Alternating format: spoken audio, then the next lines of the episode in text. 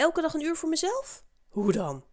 In deze podcast gaan we het hebben over de mini-retraite. Een simpele en praktische tip om tijd voor jezelf te creëren.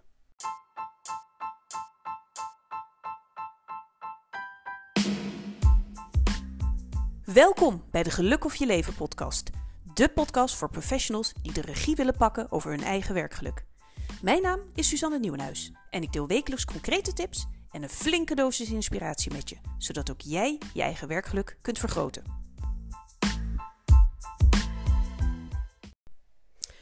Hoe blijf je vitaal?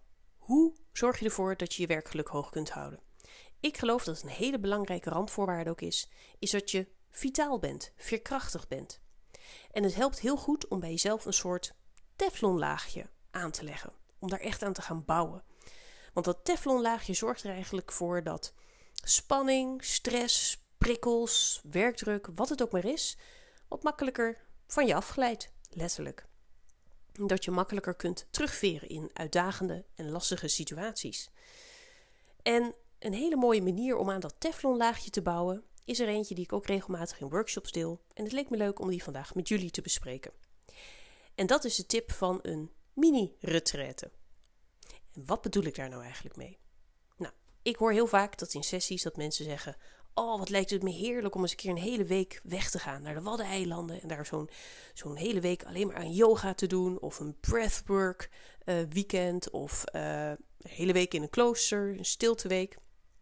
Maar dat lukt me niet, want uh, familie, kinderen, geld, vrijdagen, er zijn allemaal praktische belemmeringen vaak voor te vinden. Nou, wat ik dan vaak in zo'n sessie vraag aan een deelnemer is: maak het nou eens wat kleiner. Dus stel dat die hele week, wat je zo fantastisch lijkt, dat dat lastig te realiseren is. Wat is voor jou dan wel haalbaar? Kun jij misschien in plaats van een hele week in, de, in een klooster te gaan zitten, is het voor jou ook mogelijk dat je een zondagmiddag voor je vrijmaakt. Voor jezelf vrijmaakt. En dan ga je misschien lekker wandelen in een bos. Breng je ook in stilte door. Of je doet een keer op zo'n zondagmiddag inderdaad aan yoga of wat het dan dus maar is voor jou. Maar kun je het kleiner maken? En als zo'n heel weekend voor jou al te veel is, nou, maak het dan nog een partijtje kleiner. Kijk eens of je voor jezelf elke dag een uurtje vrij kunt maken. Of misschien een half uurtje. En het grappige is wel dat ik serieus in workshops af en toe terugkrijg van elke dag een uur voor mezelf. Dat lukt nooit. En ook daarvan zeg ik, want het is natuurlijk heel mooi als je dat kunt inbouwen, maar ook daarin zeg ik: wees in die zin zacht voor jezelf en kijk wat wel mogelijk is. Als een uur per dag nog te veel voor je is, misschien kun je beginnen met een half uur of een kwartiertje. En kijk eens hoe jij dat half uurtje of dat kwartiertje kunt sprokkelen als het ware. Misschien kun je een keer uh, ietsjes eerder opstaan. Misschien kun je een keer wat later naar bed gaan. Misschien pak je een keer lekker de pauze voor jezelf. Ga je niet met je collega's naar buiten. Ik probeer zelf bijvoorbeeld, uh, s'avonds na het eten, dan ga ik vaak nog even wandelen. Lekker in mijn uppie. En dan luister ik een podcast of ik ben gewoon lekker in de natuur. Dat is echt mijn tijd. Tijd voor mezelf. Sporten probeer ik drie keer per week te doen. Is ook echt tijd voor mezelf.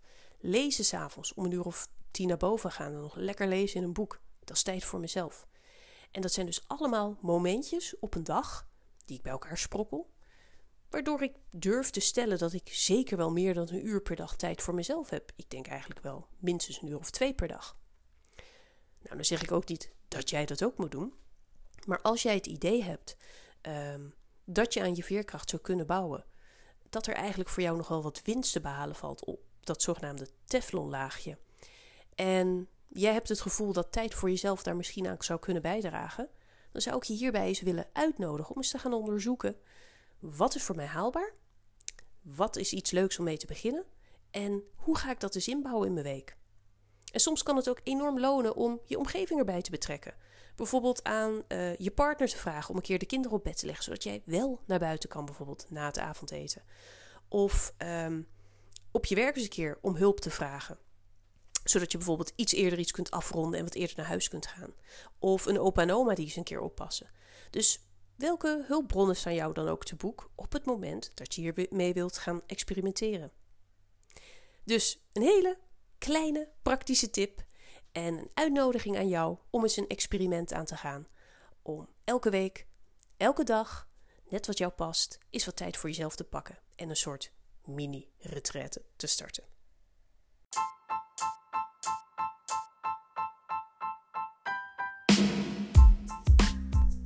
Bedankt weer voor het luisteren naar de Geluk of Je Leven podcast.